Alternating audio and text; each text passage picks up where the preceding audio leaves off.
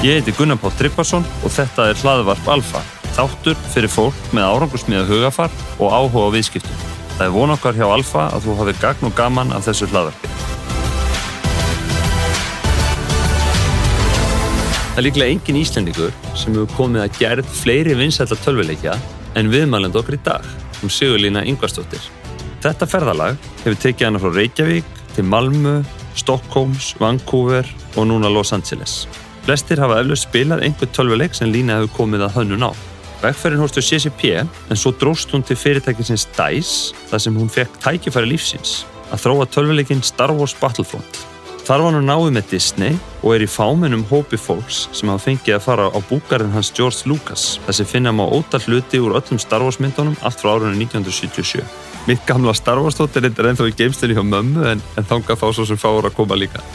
Lína fluttið sér svo vestur um haf en hún var ráðinn til EA Sports að vinna við FIFA tölvuleikin. Líkt og þegar hún resið til CCP og vissi ekkert um tölvuleiki, þá vissi Lína ekkert um fókbólta heldur. Hún fann sér þó sína leið og innleiti ymsa betrumbætur á FIFA-leiknum sem hafa stöðlaði víðari útbreyslu leiksins.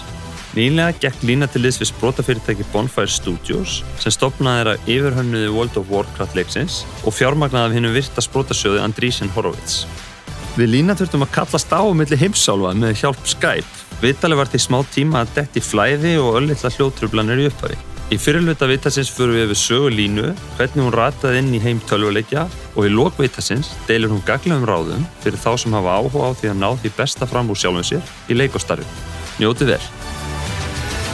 Uh, velkomin í þáttin Lína. Þú hefur komið víða við í, í heiminum við að verstir að gerða á margar af þekktustu tölvuleikjum heims en þinn ferill í námi og störfum byrjaði hérna á Íslandi. Getur aðeins sagt mér frá þeim tíma áður við hverfum í undraveröld tölvileikjana Já, sælkunar og takk kærlega fyrir að bjóða mér þáttin uh, Ég er Íslendíkur, borin og batfættur og, og, hérna, og þegar ég var lítil þá hafði ég ekki hugmyndum hvað mér langaði til að verða þegar ég er stór. Og hérna, þannig ég fór í, í svona hefðbundna íslenska leið, fór í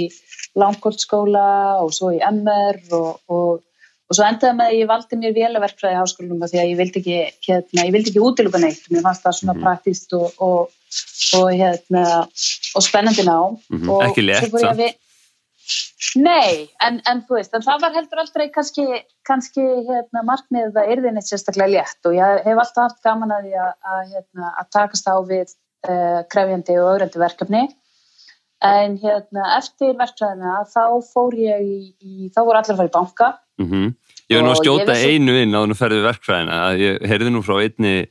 einni fyrirhandi skólasestiðin í verkvæðinu og hún, hún sagði að þú hefur verið mjög skemmtileg týpa í verkvæðinu, alltaf stútir eitthvað annað en bara námið, svona eins og vægir tímaritt og hitt og þetta sem þú varst varst að pæla í fyrir utan námið og, og hérna, varst stundum að reyka kennaran á, á gat. Hérna, hefur alltaf þá verið svona forvitin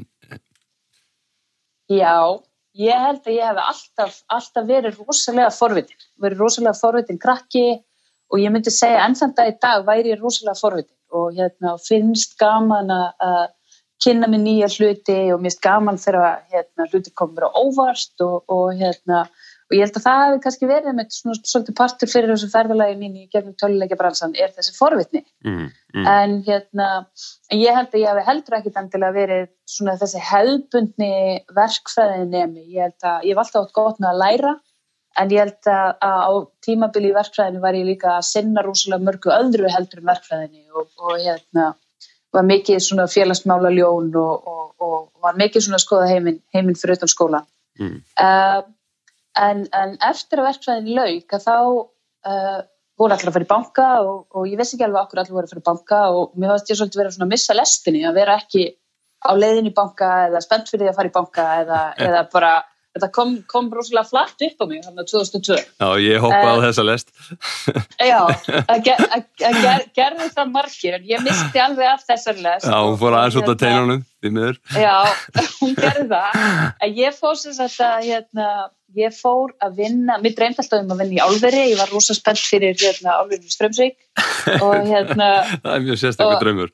Já, ég held að það hefði svolítið með rannvegu rist að gera, mér fannst hún þegar ég var, var hérna batn og úlgur, úlíkur og, og bara svona all, alla, mín, alla mína tíð og þá hefur hún verið þarna með sinn rauða varlit að stýra þessu mm. ristur álveri og, og við læriðum um þetta í verkfæðinni og mér finnst þetta bara rospennandi. Já, var hún ákveðin fyrirmynd á fyrir því, rannvegið það? Já, hún var það og, og, hérna, og ég held það, ég held að þegar það eru svona fáar sínilegar hvern fyrirmyndir að þá verða þær sem eru þarna rosalega mikilvægar mm -hmm. og nákvæmlega eins og mín kynslu talar um, um sko Vigdísi Finnbóðdóttur sem fórsetta og sem ótrúlega miklu fyrirmynd þá held ég að Rannveig hafi verið rosalega mikið fyrirmynd fyrir okkur stelpur og ungar konur sem voru spenntar fyrir hérna frama í, í atvinnulífinu. Og hérna en ég fór ekki vinna í álverðinu ég fór að vinna hjá Delta sem að segna varð aktavis og, og mm. hérna og fjekk svona framsæti við, framsæti, hérna, sæti í framlýninu við að sjá þessa breytingu frá Delta 200 manna fyrirtæki 2002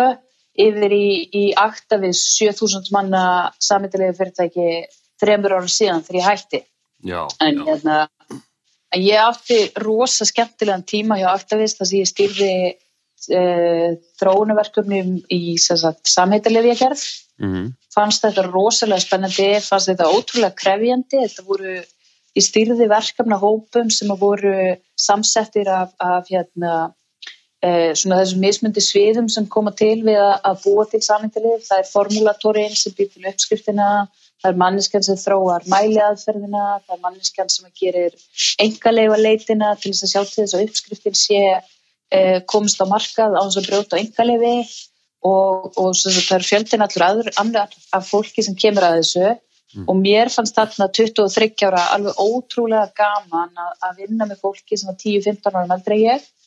og uh, allt yfir höfuð með, með masters og doktorsgráður ótrúlega klárt fólk og finna að ég gæti uh, mm. svona, já, komið með eins og maður segir allt valjú á, á góður íslensku mm. að ég gæti, gæti, gæti sagt, uh, gert þeim lífið auðveldra og gefið þeim færi á því að, að hérna, sinna sinni vinnu með því að búa til góðan, gott plan og skýra ramma utanum verkefnum okkar Já, já, já, þú byrjar hann bara sem verkefnastjóri, ég er bara, uh, já, þannig að þú, þú byrjar bara náttúrulega ung í, í, í því, þannig að það leiði bara vel fyrir þér. Hérna, já. Og, já, hún sagði mér einmitt að vinkonaðin úr, úr, úr, úr verkaðina þú hefur alltaf verið með svona viku, með dagbók hérna og mjög, mjög svona, hefur alltaf verið svona skipulöðu eða? Já, ég hef alltaf verið hérna, ég hef alltaf verið svona frekarskipulög og, og hérna, ég grínast nú stundum með það að ég sé sko einn fjórði þjóðvergi og, og innaðverkfræðingur og, og hérna, mér finnst gott svona að hafa svona svolítið kassalega sín á heiminn og hafa svona eitthvað svona, eitthvað svona kerfi sem ég get, get horta á á sama tíma og ég held að ég sé líka svona svolítið hérna eða sko svolítið svona bráðger og til ég að stökka nýjar hugmyndir og, og svona til ég að henda planni til hliðar mm. að það finnst mér gott að hafa plan Já, ég var ná að bæta hérna, fyrir ekki einu við hérna með, hún mitt saði hérna, hún hafði mikið dálit á þessi, þessi vinkunlegin og hún, hún sagði hún ætti nokkra vistaða Facebook posta frá þér hérna og þá ertu kannski að spája að kaupa þér eitthvað, til dæmis handtösku eða eitthvað og þá ertu búin að rannsaka alla handtöskum möguleika í döðlur og, og skilgirina þarfir og, og svo opnar þú þráð á Facebook og byrður allavega vinniðina um frekari ráð og, og input og þessi vinkvæðinu sagði mér að, sko, hérna, að þegar hún hérna, dittu þennan handtösku þráðu hjá þér þá veit hún að sko, þetta er taskan sem eru valinu, það verður taskan sem getur allt. Það er bara óþægilega nálega sannleikunum, verður ég að segja. Já, ég er búin að sjá eina svona tvo þræði við, við vingurstunum á Facebook hann um daginn, sko, ég er búin að sjá eina svona tvo þræði hjá þér og ég þarf að vera, hérna, ég sé greinlega að þetta er mikil gullnáma, ég þarf að vera vakandi fyrir þessu.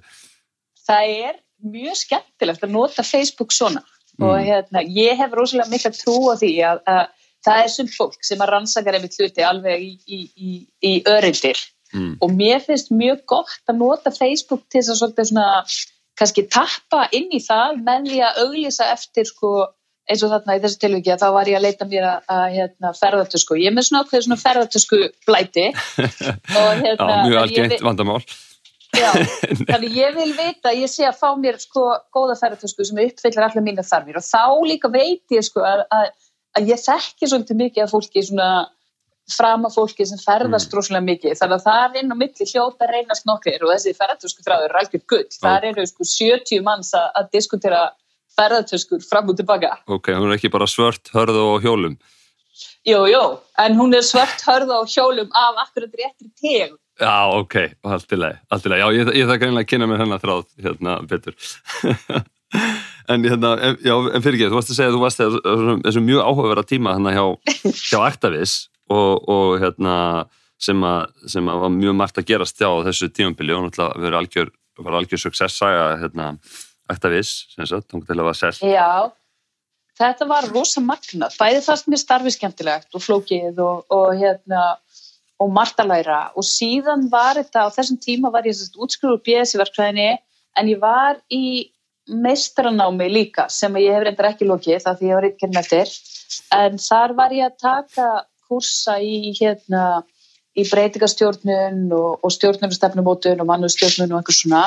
Og þá fannst mér alveg magnað að fá að vera bara svona með hérna með þetta sko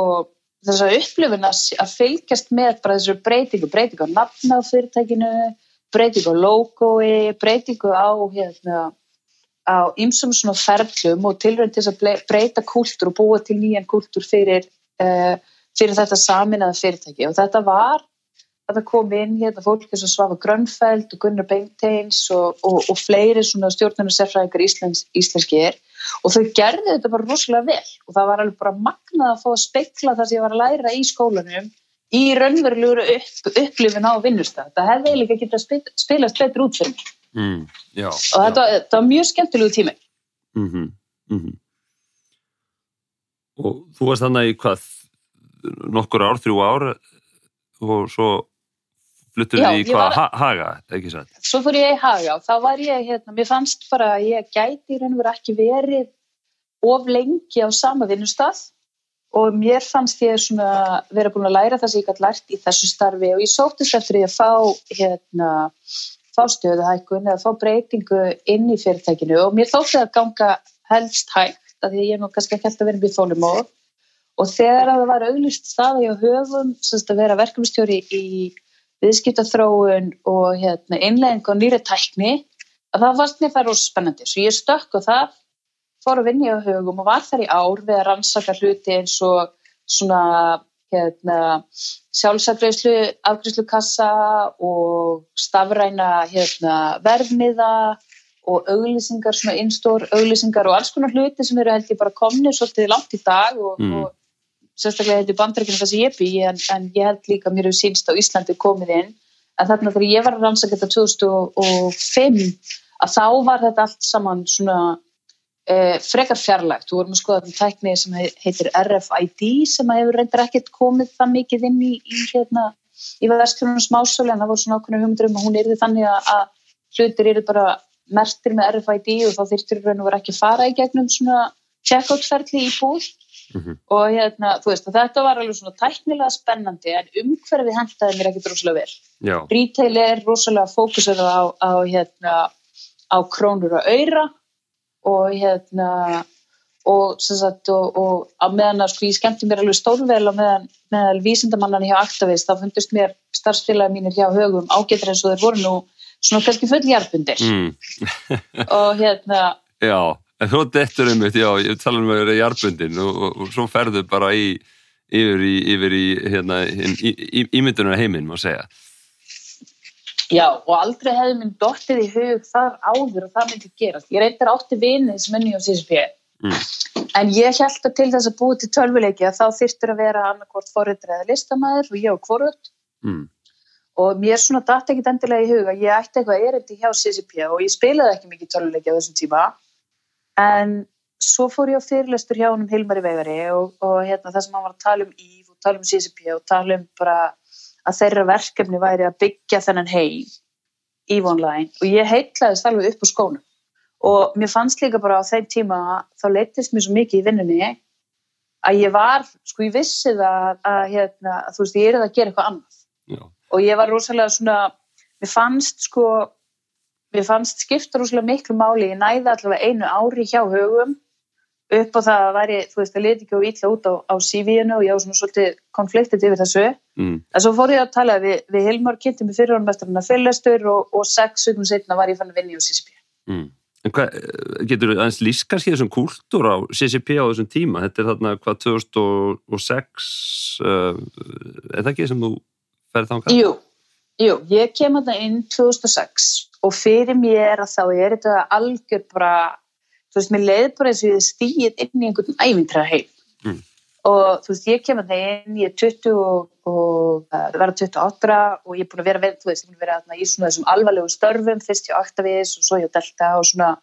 þú veist, svolítið bara svona ung kona á, á, á, á framabraut að, þú veist, taka sjálf sig kannski ofsalega hátilega og svo kem ég inn í þetta umhverfi þarna nýra á, á Granda, þetta er gamalt fristihús sem búið að breyta í skrifstofu töluleikja framlegenda og þannig bara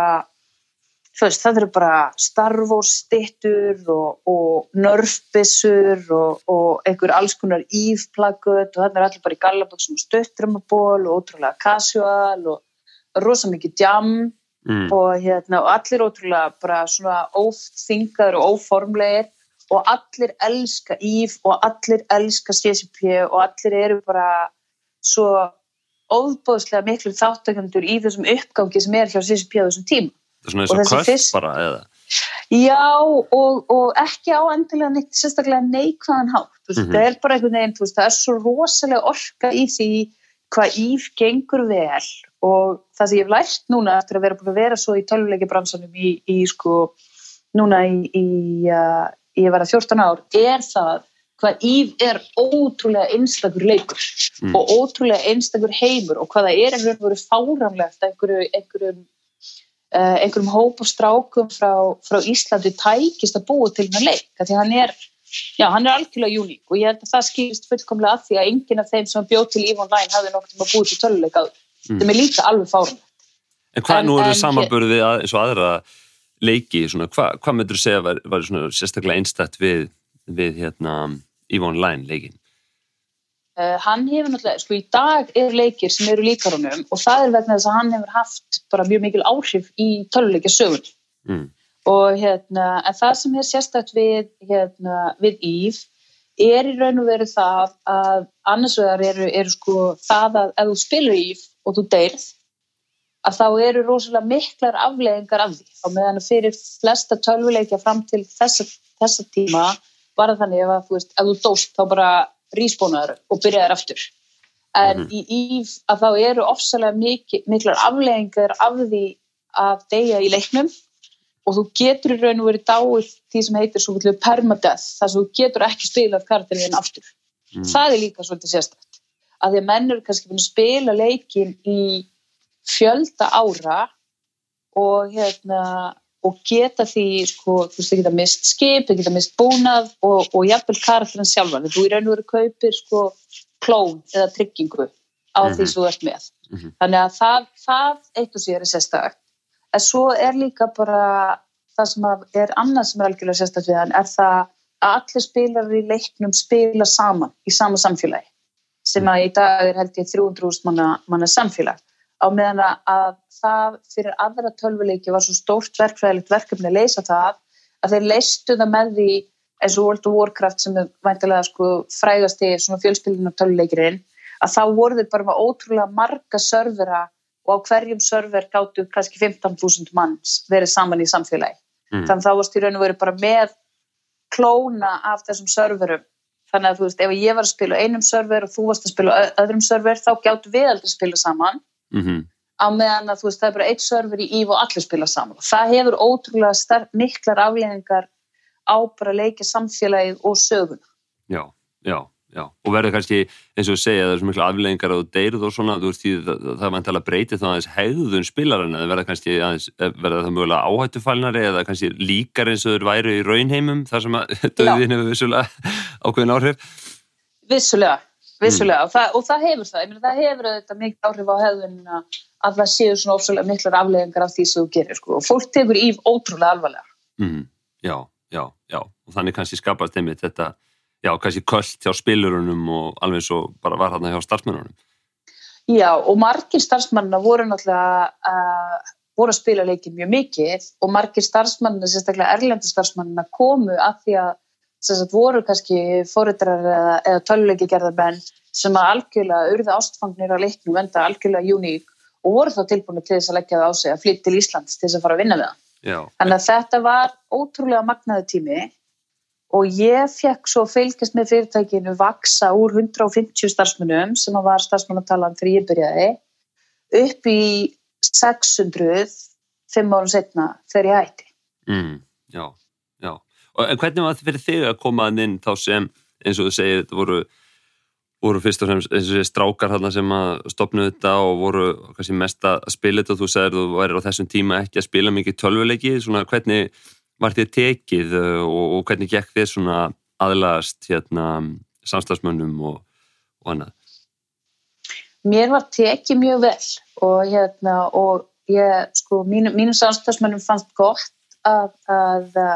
að fá inn mannesku með reynslu úr verkefnustjórn uh, af öðrum hérna, frá öðrum verkefn, vettfangi en ég fekk fullt að tækifærum bæði að vinna við verkefni sem tengdust í online sagt, mjög beint þar að segja sko, að bæta við ákveðni virkni í leikin sjálfan og svo hins vegar í kringum í eins og ég gaf út svona, eh, svona coffee table svona listabók um, um sagt, svona, saga Ív og saga hérna svona listræns stílsleiksins mm, mm. og, og hérna og önnur verkefni og, og, en ég held eins og að fyrir mig sjálfa að þá hefði ég sko látið að hafa of mikil áhrif á mig of lengi að ég hefði ekki þess að þekking og reynslu úr tölvuleiki branslum og tölvuleiki branslum og tölvuleiki spilur. Ég held að það sé líka svolítið sem gerist og kemur inn í umhverju sem er mjög kallægt eins og tölvuleika gerð er og hérna langflesti samstagsmenn minnir voru kallkynns og langflesti stjórnendur voru kallkynns að þá held ég til dæmis að ég hafi og lengi haldi mig til hljés hvað var það það sko að, að e, afla mínum hugmyndum brautargengi og kannski sko gaggrina eða koma aðra tilöður því hvernig mætti gera hlutina mm. ég, þú veist, ég held ég hafi borðið um mikla verðingu þú veist, ekki það að þessi menn hafi ekki átt skilja að það væri borðið verðingu fyrir þeim en ég held að ég hafi kannski svona e, borðið ómiklu virðingu fyrir þeim og þeirra skoðunum og kannski ekki nóg miklu fyrir mínum. Og það hefur verið svolítið svona lærtómur hjá mér í gegnum veist, þennan þessan tíma í tölvuleikja gerð er einmitt þetta að veist á einhverjum tímpunkti held ég að, að sérstaklega konur þurfa svona svolítið að finna kannski bara að finna svolítið svona röttina og svo kannski taka bara slægin. Já, já, já. Og, og, og fannst þér það breytast svona þegar þú tókst næstu skref í þínu ferli og, og fóst frá Ív og fórst svona út í, út í heim um. Já, mér fannst það að fannst að gerast ákveðin litur það verði ákveðin þáttaskil hjá mér því að ég var búin að gera hérna, mér ljóst að ég vildi sagt, gera meira og vera meiri þáttakandi inn í CCP í því sem að, að hérna, þar var að gerast og ég fekk tvö starfstilbúð eiginlega alveg á sama tíma annað inn í CCP þar sem að mér var búið að taka við og reka hérna, mannustildina á Íslandi. Og hins vegar tilbúið frá Ubisoft í, hérna, í Malmö sem að vildi að ég tæki við sem senior producer að leiða þróun á leik sem að, að, að þar var búin að vera í þróun í svolítinn tíma og, og hérna var sagt, eh, leikur sem að, að breyttist svolítið eftir að ég var nánum og kom út 2016 og heitir The Division og er einn af, af stæstu nýju bröndunum frá Ubisoft. Mm. og hérna þannig að þú veist þá var mér verið verið ljóst þegar ég var bara þessi tvö starfstilbúð saman hlið hlið annars að taka við háurdeild og ég hef aldrei komið nálega háurmálum og hins vegar að, að hérna, reka nýtt verkefni í útlöndum. Þá átt að ég máði að, að hérna, einhvern veit að vegna að, hérna, að þá sá sá yfirmenn mín í CCP ekki framtíðina mína alveg í sömu ljósi og ég sá hana. Og það væri þá kannski bara gott að, hérna, að, að bara taka slægin og, og leipa heimdræðan og fara út. Mm, mm. sem við svo gerðum þá ég og maður minn og, og hérna, eldri dóttur mín sem þá var fjögra að verða fimm ára. Og það sem við vissum svo ekki að var að það var lítill laumi fyrir þegar með. Þannig að En, en meiri breyting. Já, en meiri breyting. Það eftir þess að í raun og veru sjömánaða vist í, í, í, í Stokkólmi, nei í Malmö að þá sem sagt fættist Mattildur, yngri dóttur mín og eiginlega eitt fyrsta samtali sem ég þurfti að taka þegar ég var flutt með allar fjölskyldina til, til Svíþjóðar við yfirmann minn var bara hæ, heyrðu, ég er ólétt. já, já, já, já. Og hvernig tók maðurinn því að flytja út? Hann var bara spenntur, við hefum rætt það áður að, að, hérna, að okkur langaði til að upplifa ævindir í útlöndum, mm. þannig að hann var bara, veist, hann var spenntur og hérna og uh, þú veist, og það hefur bara verið, veist, þetta hefur verið rosa gott svona sammeilegt ferðalega okkur tekja og ég hef verið mjög lánsum að því leiti að, að hérna, hann hefur getað sendt heimili og, og fjölskyldu og ég hef haft alveg ótrúlega mikið frelsi sem að ég held að, að, hérna, að það séu ekki kannski endilega margar konur í þeirri stöðu að eiga mann sem er heimavindi og getur tekið allar bolta uh, og þú veist og ég hef þá bara getað mm. í raun og veru bara gert það sem starfi hefur þurft í, í þá þá skipti og stundum hefur það verið rosalega frekt á, á, hérna, á tíma þannig ég hef ekki getað sendt fjölskyldinni mjög mikið og það hefur þá bara gengið af því að hann hefur verið hérna einu meginn til þess að taka það allt á sig. Já, já, frábært. Og, og hérna, en þú varst ekki lengi hjá Ubisoft eða þú, þú hérna fórst svo að starfi hjá DICE, eða ekki, í Stokkólmi? Jú, ég var, það, sem sagt, bæði var það náttúrulega þetta, þeir náttúrulega vantilega gerði ekkit endilega ráð fyrir því að ég var að fara byrkt í fæðigrálof eiginlega eftir sex mánu, en svo urður rosalega mikla breytingar á fossendunum á þessu verkefni sem gerði það verkum að, að, að ég kom að út til að taka við verkefni sem var sagt, PC fjölspilnuleikur og þá var náttúrulega mjög lógist að ráða manneski frá CCP sem hafði mikla reynslu í umhverfi PC fjölspilnuleikja en svo urðu þær breytingar gerðar að þetta verkefni var uh, sagt, uh, meira leikur varð ekki lengur svona fjölspilnulega leikur á sama hátt og var síðan markasættur á leiketölfur sérstaklega yfir þetta verið verkefni sem var sviðið síðan ekki neitt og hérna uh, og það í raun og veru skerða verkum að ég ákvaða að fara ekki tilbaka úr fæðingarólónu mínu mm -hmm. og á sama tíma ég var að velta þessu fyrir mér þá hafið samband við mig hérna eh, maður sem ég kannast aðeins við hjá, hjá fyrirtæki sem heitir Dice í Stokkólmi mm. og, hérna, og þau vantaði framlega þetta til að taka við leik sem heitir Mirror's Edge mm. og hérna að því að konan sem var aðal framlegandin á húnum hún var að fara í fæðingar á lof þannig að ég flutti með við fluttum með Matildi þá fimm mánuða til Stokkólms og hérna og ég byrjaði ætlaði reyndar að byrja bara hálfdægin og, og eitthvað sem við með byrjaði strax allan daginn en það var nú að gera og ég kom þarna inn og, og tók við af henni Söru sem að í dag er góð vinkurum mín mm. og þannig byrjaði ég hjá, hjá Dæs og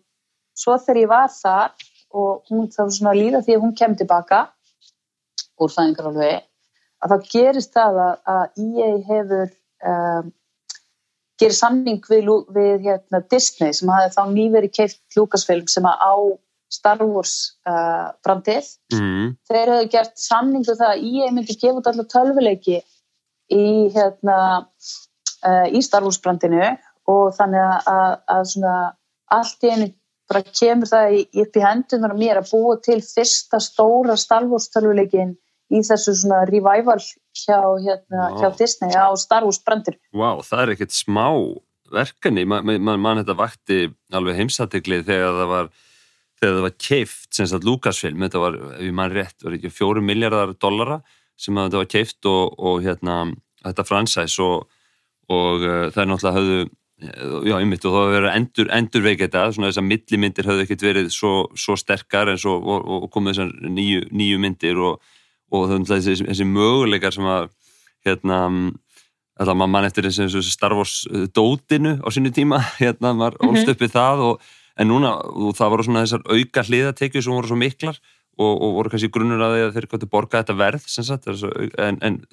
þetta er rauninni aðal aukatekjun og svona myndin að geti trú að þið séu af þessum tölvu, tölvuleikjum. En það tölvuleikja bransin orðin, hvað er hann ekki orðin jafnvel stærri en kaupmynda bransin? Jú, hann er það, hann er orðin alveg, alveg ótrúlega stór og ég held að hérna,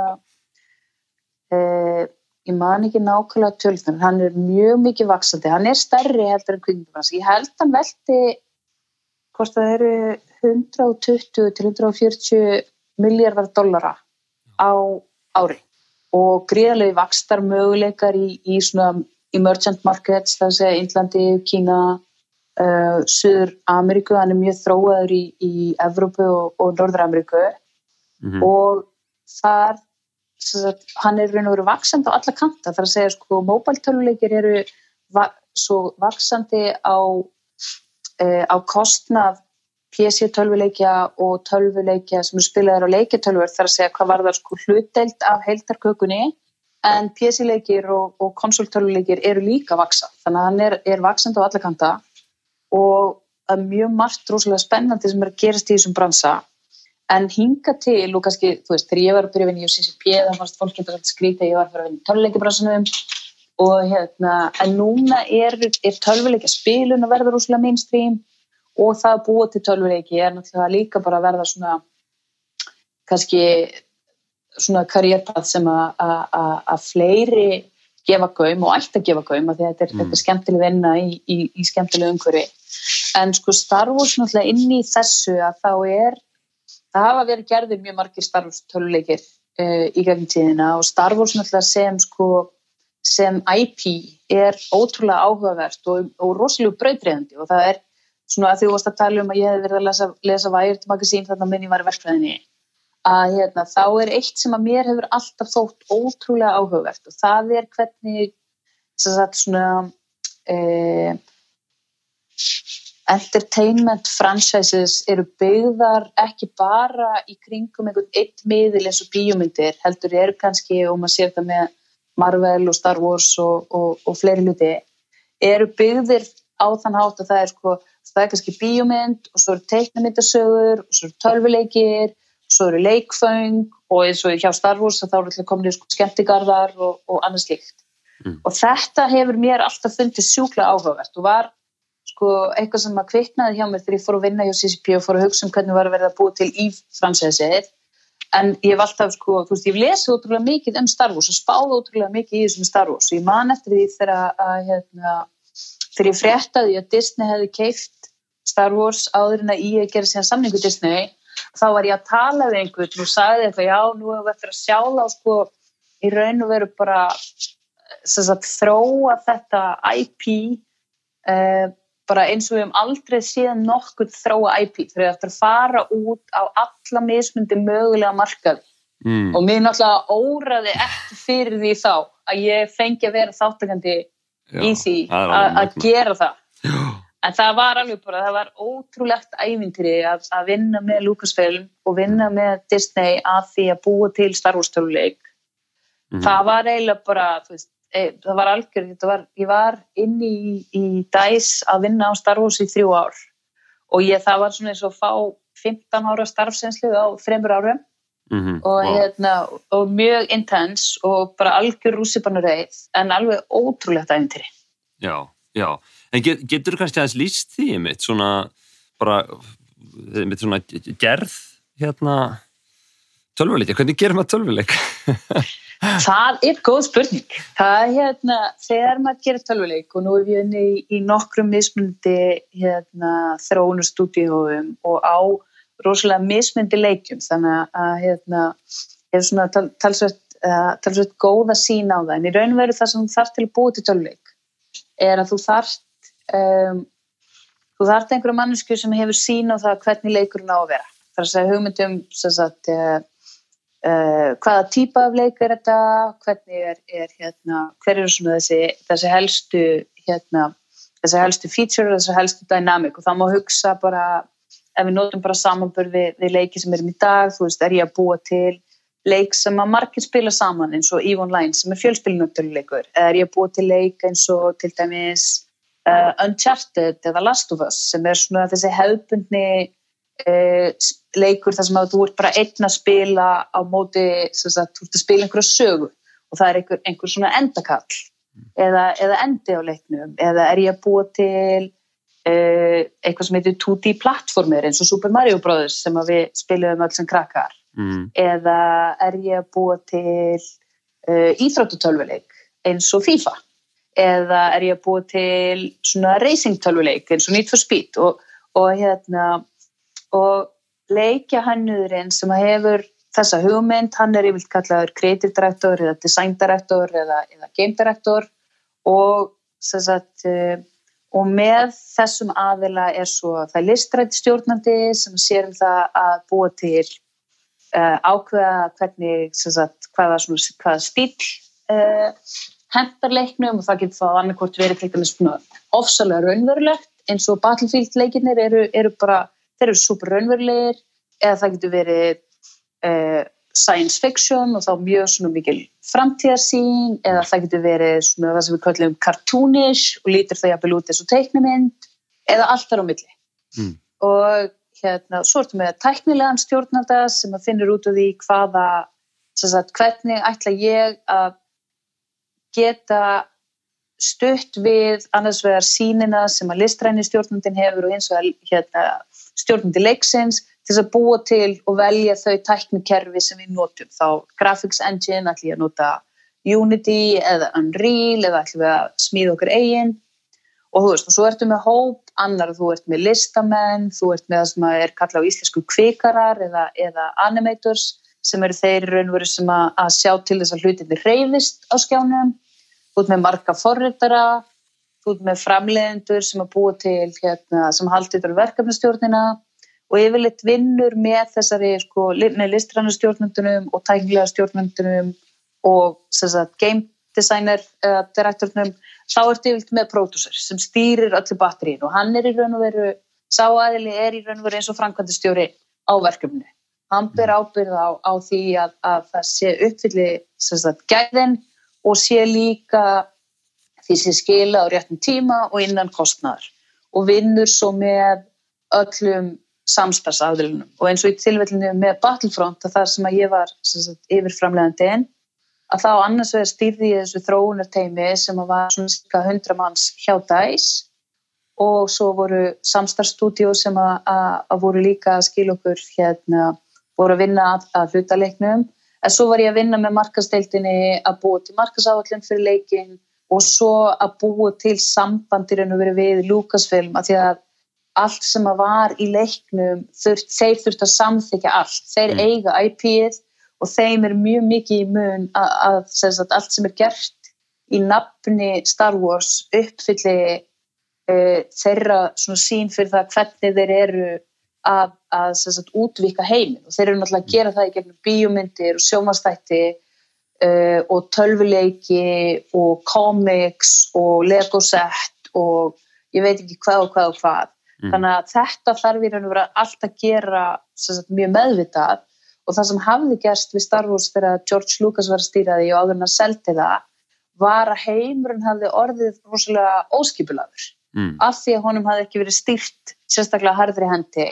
Þannig að það sem það þurfti að gera eftir að Disney kemti Star Wars var það, það var ótrúlega mikið af hlutum sem hafði komið út og, og bækur og sögur og, og alls konar sem að var í raun og veru sko endur skilgreint að það væri ekki lengur hluti af kanuninu eða mm. stögu. Þannig að þá var í raun og veru bara ákveðið að bara bíómyndirnar og sjómanstæðinir, klónvórstæðinir væru official kanon og allt annað væri það ekki lengur. En voru, voru þeir þá eh, með mjög harða hendi á ykkur hérna, sem sagt sjá, teiminu hjá DICE þegar voru að þróa þetta, funduðu mikið fyrir, fyrir þeim hjá Disney? Já, og þeir voru svo að, eh, nei, ég, sko, mín stefna í því að partnera við eh, fólk sem er ekki að vinna hjá saman fyrirtæki og ég og er svo að vera ofbóðslega eh, að taka rosalega vel á móti fólki og byggja sterk persónli tengsl. Mm. Og ég vissi það að þetta fólk hjá Disney hafði elskaði Star Wars út af lífinu og þú veist þetta eru mestu Star Wars nördar í heim þetta er fólk sem að vinnur við það að stýra Star Wars hjá Disney og stýra þessum partnersamskiptum. Og ég hafði fullan skilning á því hvað við vorum að reyna að gera og ég vildi að þau sæju hvað við höfðum mikla ástriðu fyrir því sem við vorum að gera okkar enda og að við gætum átt góð samskipti. Þannig að við fjárfestum rosalega mikið í þessu sambandi, bæði tíma og peningum og það sem að gerðist í framhaldur, ég meina eftir sko, sko sam, samband okkur hófst á því að þau buði okkur að koma að, á Skywalker Ranch sem er um, það búgarðurinn sem að George Lucas byggði til þess að geta verið með alla, alla helstu skaparana í, í, hérna, uh, í Star Wars í umhverfi sem var rúslega friðsælt og, og, hérna, og algjörlega svona, uh, svona já, einangra frá umhverfinu þannig að fólk gæti bara komið saman og verið þarna fallegum búgarði og það sem að voru bara allt til alls til þess að hérna til þess að sko, skrifa handbreyt eða, eða fara yfir og klippa eða taka upp hljóð, skæfa okkur soundröðinu við liðina og þetta er algjör ævindraheimur og það er til með þess að bíómynd um þennan búkað mm. uh, sem að heitir Fanboys sem fjallar um það þegar einhver hópur af, af nördum fer þverti við bandaríkinn til þess að brjótst þeim skæfa okkur ranns og horfa á direktorskatt af, af, hérna, af fyrstu útgáfinni af, af fyrstu myndinni sem kom hérna í sequel-seríunni. Mm. og hérna, þannig ég hafði vitað af þessum stað að ég hafði séð þessa bíumind og hérna og þarna er George Lucas náttúrulega var mjög auðugur og þarna eru sko ómetalli listaverk en þarna er líka arkæfinn þar sem hann geymir búningana og propsið frá, hérna, frá gerð myndana svona stór svona eins og svona vörgemsla sem mm. er bara, þú veist, þannig er búningurinn að svartöða og þannig er, þú veist, gilda örkin úr Indiana Jones og Reyðs og Lostar og hérna er allt konceptartið úr, hérna, úr myndunum og wow. hérna eru búninga, búningarnarinnar Padme Amidölu og, og sem sagt, fyrstu, svona, fyrsta interaktion okkar við þennan mm. hóp frá, frá Lucasfilm var þegar þeir fóru með okkur á Skywalker Ranch, böð okkur í háttegismat og leiði okkur síðan að, hérna, að skoða þessi arkæf mm. og þetta er hérna, ég á, á margar myndir úr þessari heimsókt sem ég má aldrei setja á, á hérna, neitt social media mm. uh, eða, eða í raun og veru sína neinum að þetta er alveg, alveg harf bannað að, að, hérna, að taka úr sína myndir en, mm. en þetta er ótrúlegu staður og þetta var ótrúlega upplifin bæði fyrir mig og mitt unga stjórnættuteimi í þessu verkefni, þetta var alltaf bara frábær mm. samílu upplifin fyrir okkur og síðan fyrir okkur að kynast þessu, þessu fólki sem við áttum eftir að vinna svo mikið með og, og, hérna, og svo stuttum við þetta samband bara með, þeir komu reglulega að heimsækja okkur í, í Stockholm mm -hmm. og við hittum þau reglulega í San Francisco. Og hérna, við fengum ótrúlega við fengum ótrúlegt innlitt í það að búa til Star Wars. Og, og hérna og í dag þekki ég mjög mikið af helstu stjórnendum þessa þessar stóra IPs mm -hmm. uh, einn, einn er meðmælind minn á, á vísunum mínu núna inn í, inn í bandaríkinn þannig að það er gott að búið til góð kontakta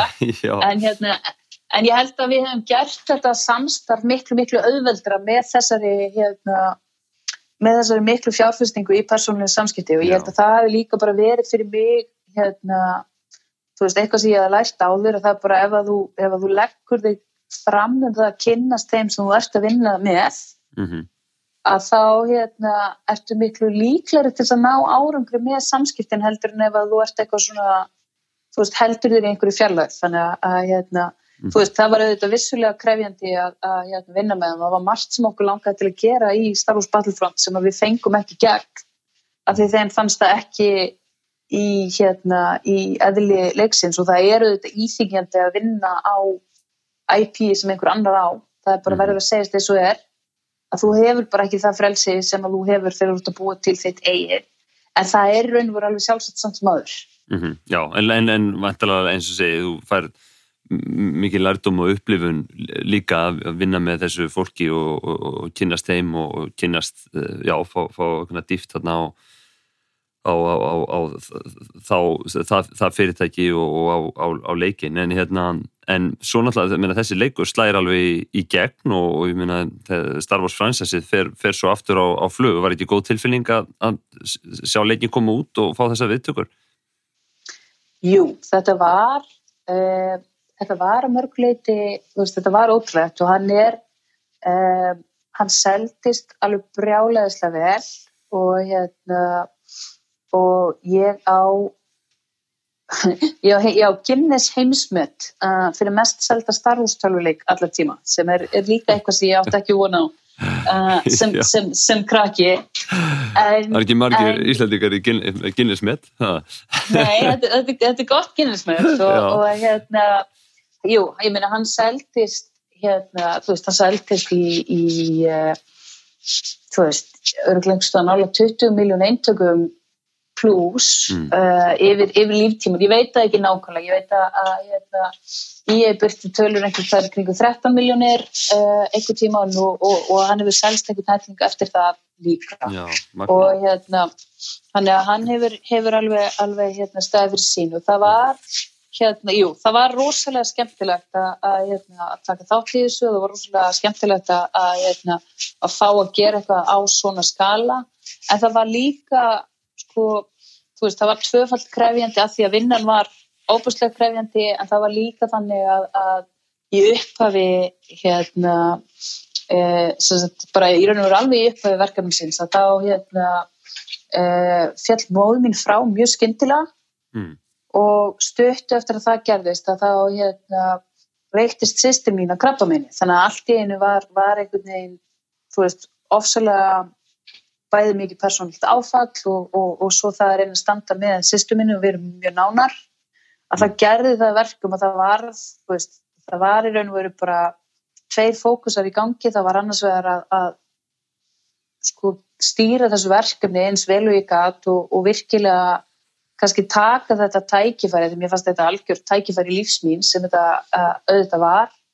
Og svo hins vegar að einhvern veginn að díla við annars vegar sko sorgina og, og og svo hins vegar að vera til staður fyrir einhvern sem er sko mjög náanðir en býr í öðru landi. Mm, já, og, og þú veist, þannig að það var veist, þetta var, var mjög intens og ofsalega erfitt. Og hérna en ég var samt sem áður sko uh, þú veist, og ég bara sem betur fyrir á ég ótrúlega mikið af, af hérna af góðum vinnum og fekk stöðning líka frá, frá vinnufélagum mínum sem síndi mig mikla nærgetni en þú veist að þetta vandla bara á, á tímabili var þetta bara eila marstraðarkjent mm, að takast á við þetta allt í einu. En svo sko, þú veist þegar ég horfið tilbaka þá veist, finnst mér þetta finnst þetta mjög órinnverulegu tími. Og hann, hann þú veist hann gerðist allur í, í svona eins og,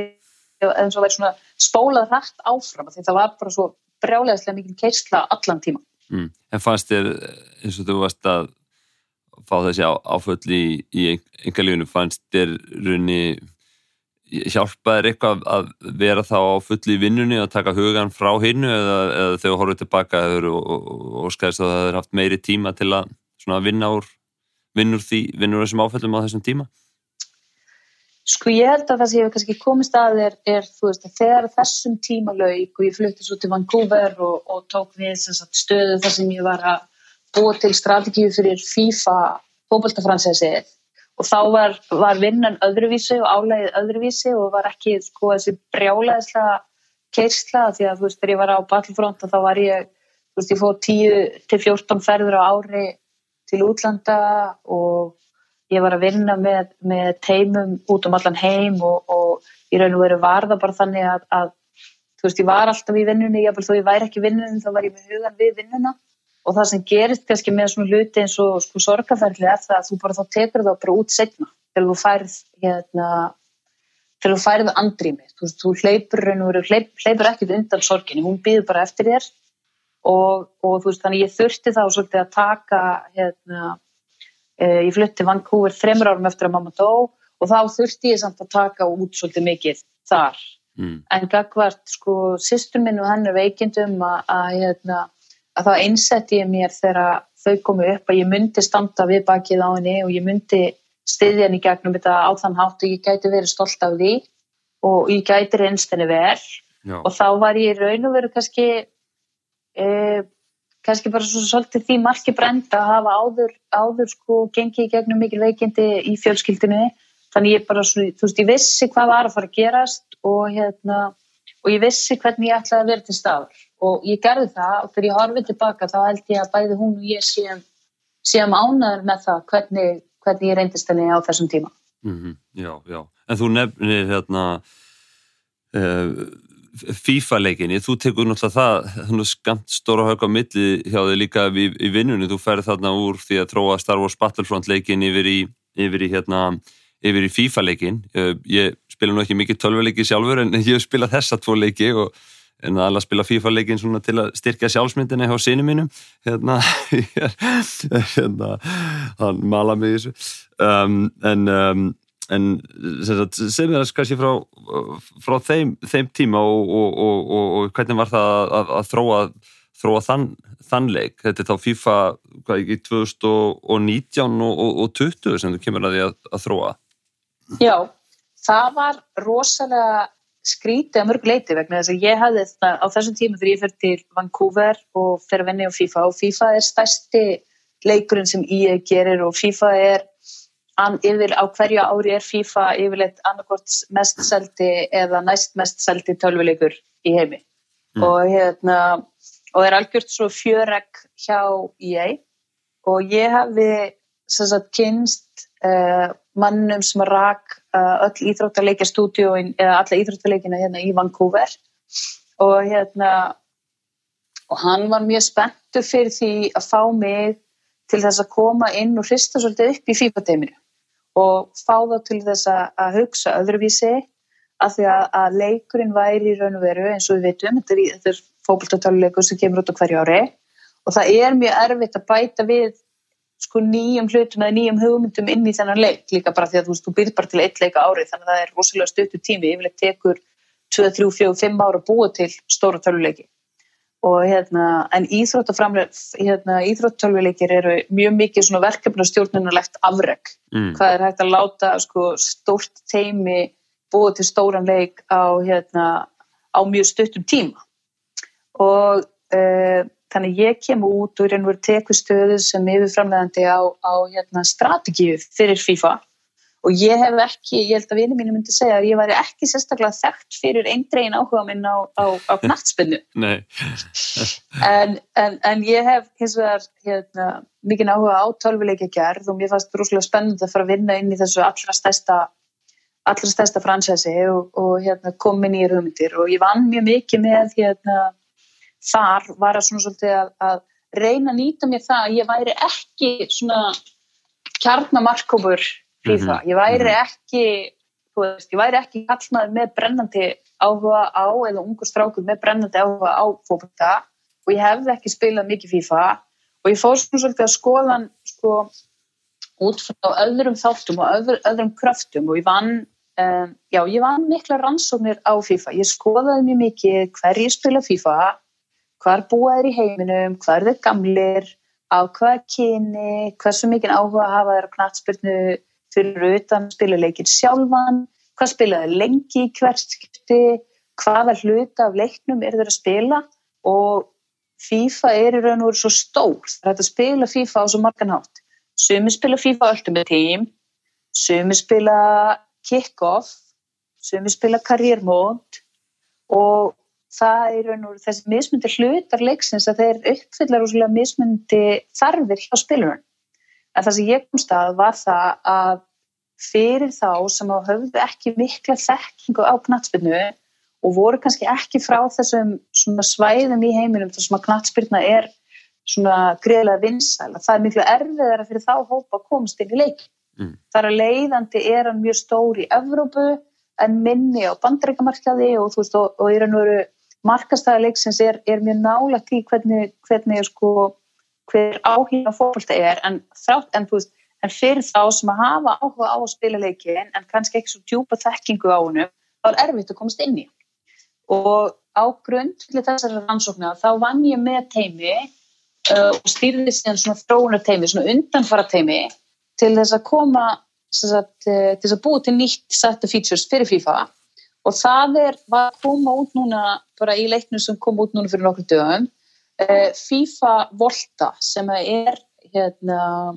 svona götufóbolta útgafa af FIFA. Það sem að í fyrsta skipti strákur og stelpur geta að spila saman í liðum. Og þetta er allt og, og, og leikirnir eða vellirnir sem að fólk spilar á eru síðan út um allan heim. Þeir eru í Suður Ameríku og þeir eru í Japan og þeir eru í Evrópu og þeir eru í Bandaríkinu þannig að þetta er svona viðleitni til þess að FIFA getur orðið svona uh, já, höfða til breyðari hóps af fólki og gera ekki lengur kröfu um það að þú sért súper áhuga samur um mm. deildafóbolta Já, þannig að þú varst að reyna já, það er að þú varst að reyna að ná til þessar að hópa og að leiða það fyrir fyrir ég að, að, að, að vika þá út, út leikin Já, í raun og veru. Já, frá og þannig að það er mjög, mjög, hérna, mjög skemmtilegt að sjá það að, nú, að því nú er, er rétt rúmt ár síðan ég fór frá EA en þróunurvinnan var unnin rannsóknarvinnan var unnin fyrir tveimur árum og svo var þróunurvinnan unnin á, á cirka tveimur árum. Þannig að þeir gerir það stundum og þeir eru með teimi sem þeir taka til hlýðar til þess að rannsóka og, og fjárfesta í nýjum featurum sem eru ekki, sem að bara tækja of langan tíma að gera fyrir sko venjulegt ár, þannig að það er mjög, mjög skemmtilegt og svolítið fyndið að sjá einhvern veginn leikin sem ég var að vinna að koma út í raun og veru lungu eftir að ég er farin frá í ég. Já, emmi en nú, já, nú, nú ert nú, eh, staðin sem það vart núna, það er, það, þú kemur að hvað stopnun á nýju fyrirtæki það ekki með einum, sem sagt uh, mannunni sem stóða baka World of Warcraft leikin, ekki satt um, uh, og, og hérna ert eftir kort er að fara að hitta hitta hérna hitta vísisjóðin sem að, var að hérna var að baka ykkur upp Andrísin Horowitz sem er nú bara eitt sá þekktasti ef ekki sá þekktasti vísisjóðurinn í, í hérna, Silicon Valley í dag. Þannig að hérna, getur sagt satt mér aðeins frá, frá, frá þessu?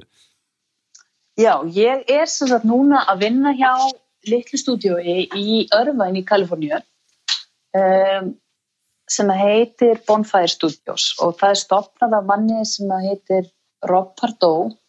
og hann er, uh, eins og þú sagði, hann er, er var lítið sænir á World of Warcraft þegar hann kom út 2004 mm -hmm. hann er ótrúlega mikið nafn í þessum bransa, hann var einn af aðal hérna, stjórnundunum hjá Blizzard sem er líka hérna í Örvæn mm -hmm. World of Warcraft fyrir ekki, það er alltaf bara stæsti leikur, eða ekki allra tíma það ekki? Jú, ég held að ef stæsti, ef hann er ekki svo stæsti þá er hann einn af þeim stæsti, hann er, er hérna ótrúlega stór og, og gengur ennþá ótrúlega vel og, og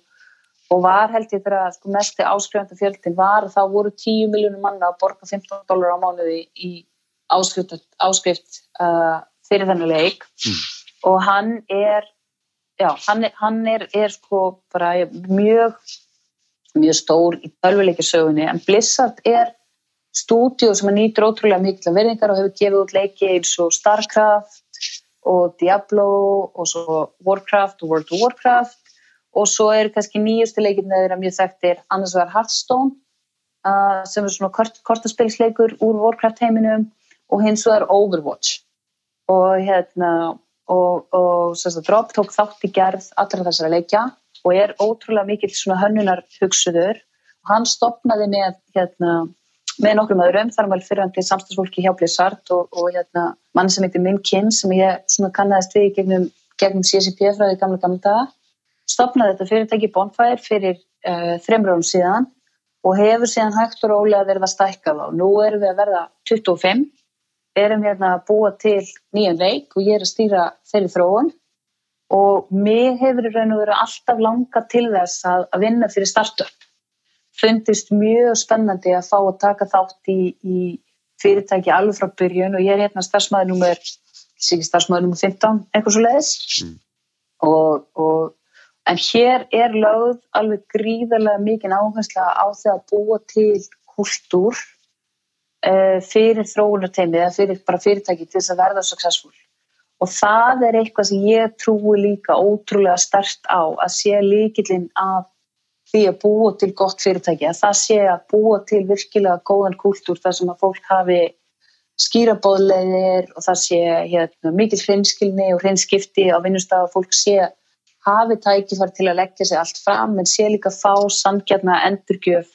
annars vegar á, á hérna, það sem er að gera bæði jákvæmt og neikvæmt það sé bara, sé mikill heiðalíki og ég held að það sé mm. oft í fyrirtækjum verður kultur úslega dysfunctional af því að fólk er ekki að, að segja sína meiningu einhverju hluta vegna. Og ég held að það hérna, þú veist, eins og hjá okkur það er bara, þú veist, það hendar mér æðislega vel að vinna hjá fyrirtæki sem að fókusið svona mikið á kultúr. Og mér finnst þetta uh, ótrúlega skemmtilegt tækifæri og það er ekki verra að hérna, vinna með mér menn eiginlega allir sem eru, eru komnir inn í þetta fyrirtæki eru sko hoknir af reynslu og með ótrúlega sko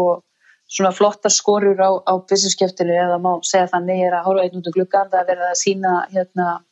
þessum tveimur fullgrúum frá Andreasson Horowitz sem eru andra stærstu fjárfyrstunum okkar. Þeir eru að koma hérna í kynningu. og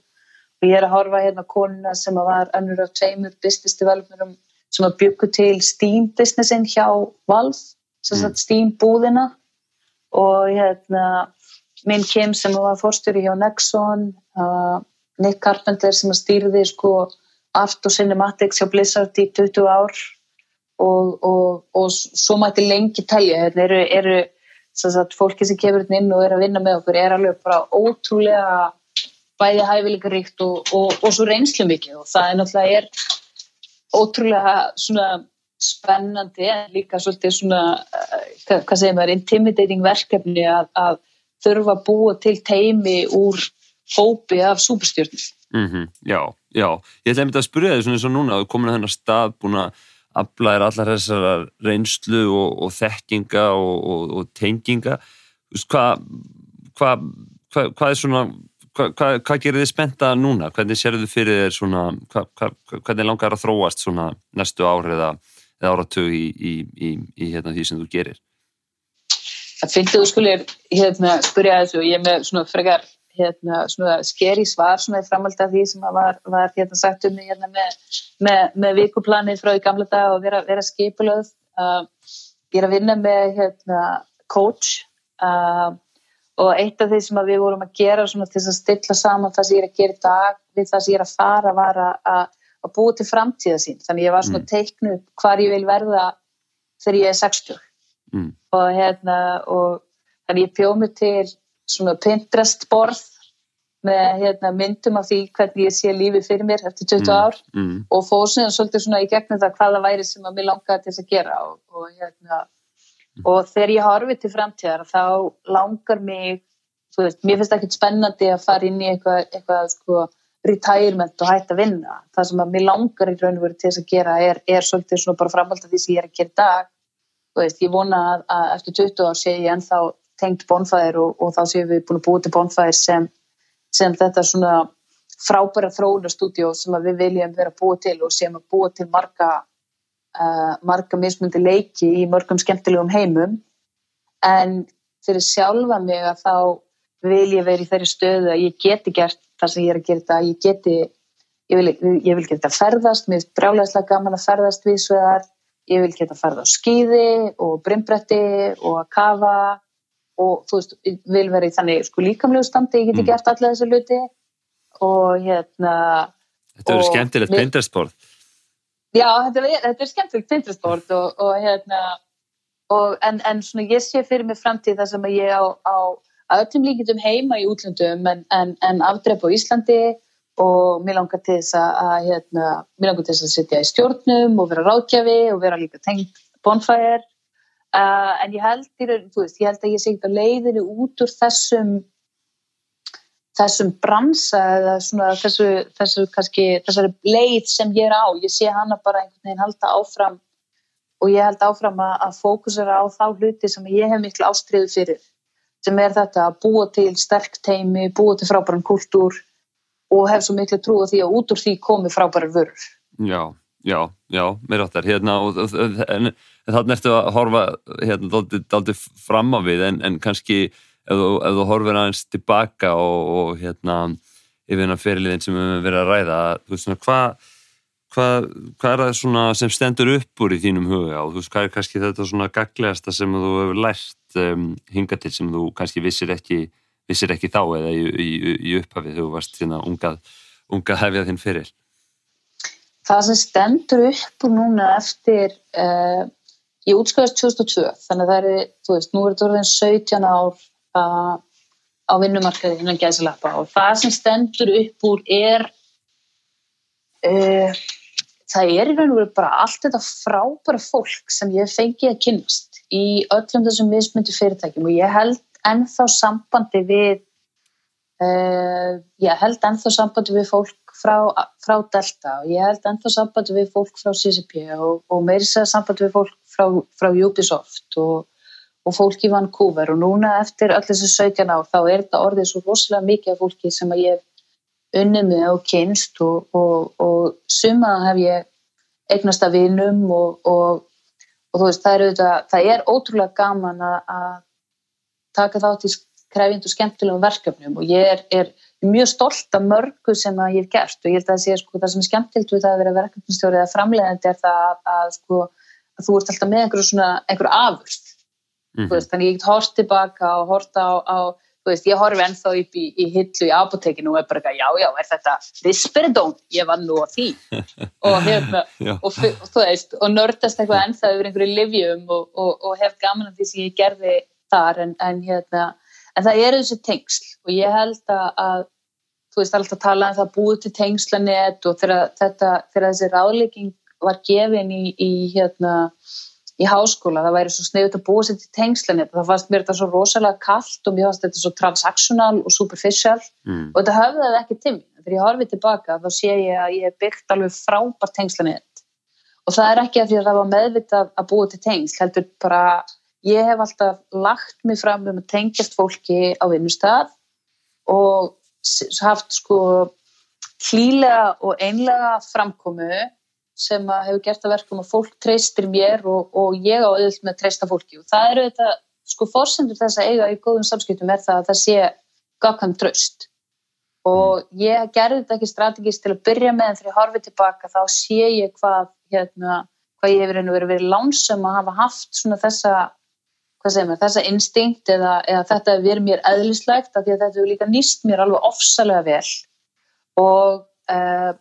þú veist ég held, ég myndist á það áðan að, að mér hefði fundist ég vera ekki nógu uh, sko ekki nógu kannski hörð á mínu og fylgin mér til að byrja með og ég hef svona kannski ekki verið nógu duglega að deila mínum skoðunum og, og, og standa á mínu. Ég held að það sé að mörguleitir rétt en ég held kannski að þeim tíma hafi ég ekki endilega haft sko bakhjarlana og umhverfið til að gera það. Og ég held að ef ég ætti að gefa sko, fólki sem er að fara út á atvinnumarkaðin dag og vil hugsa kannski svona strategíst um, sem feril, ef ég ætti að gefa einhver ráð þá held ég að, að sko, mín ráð væri alltaf byggðu djúb sambönd, eignustu góða vini, kynstu fólki sem þú treystir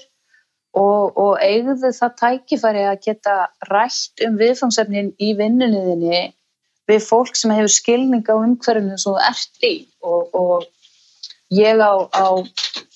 ótrúlega góða umhverfinu sem heitir Elisabeth Gretastóttir sem var markastjóri á, á Battlefield hjá DICE og var að vinna með mér hjá CCP og var að vinna líka hjá markastjóri á Arjón banka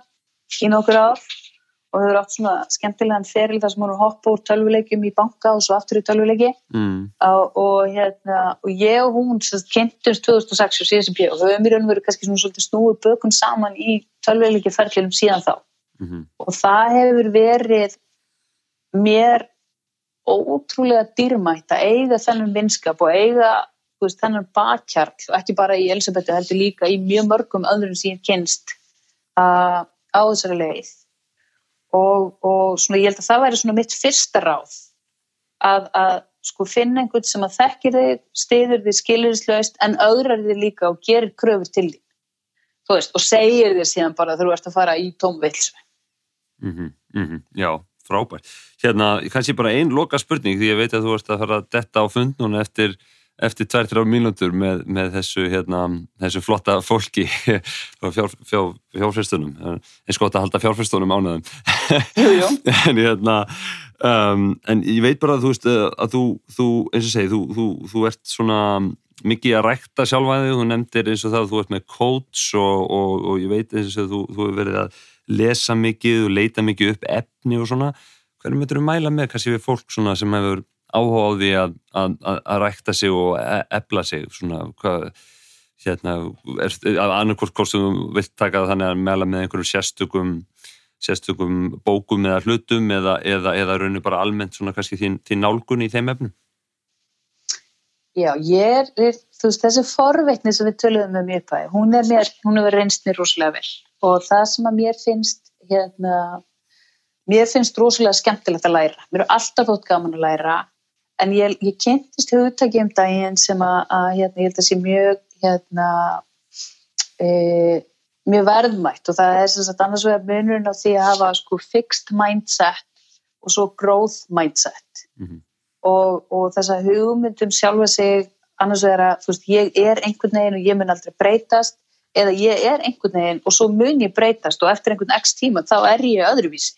Mm -hmm. og ég aðhyllist þessa hugmynd að ég geti breyst og, og, og hérna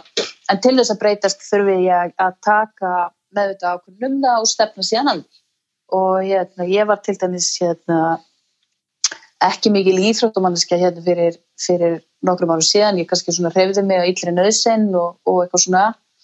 en í dag er ég, er ég mjög dugleg í ræktinu, ég er einmitt líka með, með þjálfara, ég er mjög mikið í því bara að fá eitthvað svona, að fá expert í málinn og, og, Mhm. mm -hmm. og vera með þjálfara Já, að, og 60 ætlar að vera með sixpackin á brimbrettinu sagður mér á Ég veit ekki hvort það verið sixpack en, en hérna, ég prófaði að surfa en daginn ég held alveg bara, þú veist, ég er algjörlega til ég falla fyrir því og við fjölskyldum byrjuðum að skýða bara fyrir, fyrir uh, bara þegar við fluttum til Vancouver þar eru svo góð skýðasvæði að við byrjuðum bara að skýða og, og erum alveg bara, viljum bara helst ekki vera annars staðar heldur en á skýðum á veturna. En það er kannski svolítið erfitt hérna í Kaliforníu. En það sem ég ætla að segja með, með þetta að leita uppi leita uppi efni og, og hérna, ég les rosalega mikið af bókum og, og hérna e, það, ég, er að segja, ég hlusta rosalega mikið af hljóðbækur. E, ég ger það miklu meira heldur en að lesa bækur og ég, ég hlusta á hljóðbækur, ég hlusta á podcast og, og hérna, og mér finnst öll podcast sem hafa eitthvað annars vegar eitthvað að kenna mér eða tala við áhugavert fólk sem er að gera spennandi hluti vegna þess að það inspirar mig rosalega mikið. Og ég er rosalega opinn fyrir því að fá innblástur af öðrum. Að, að hérna, mér finnst gaman að hlusta á fólk segja frá sjálfu sér og hvernig það tekst á í lífið. Uh, ég held að, að svona mitt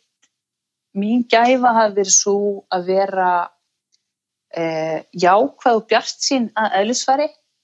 og taka sjálfur mig ekkert of hátilega og hérna, ég held að það hafi, hafi komið rosalega langt. Ég myndi sko mæla með fyrir eiginlega alla, ég, meni, ég get mælt með podcastu sem ég finnst skemmtilega, ég veist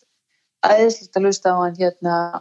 Snorri nei hérna, að Snorri Björnsson sem tala við hérna, íþróttafólk. Já, og er svona crossfit fókusarar, ég finnst það sjúklega inspirerandi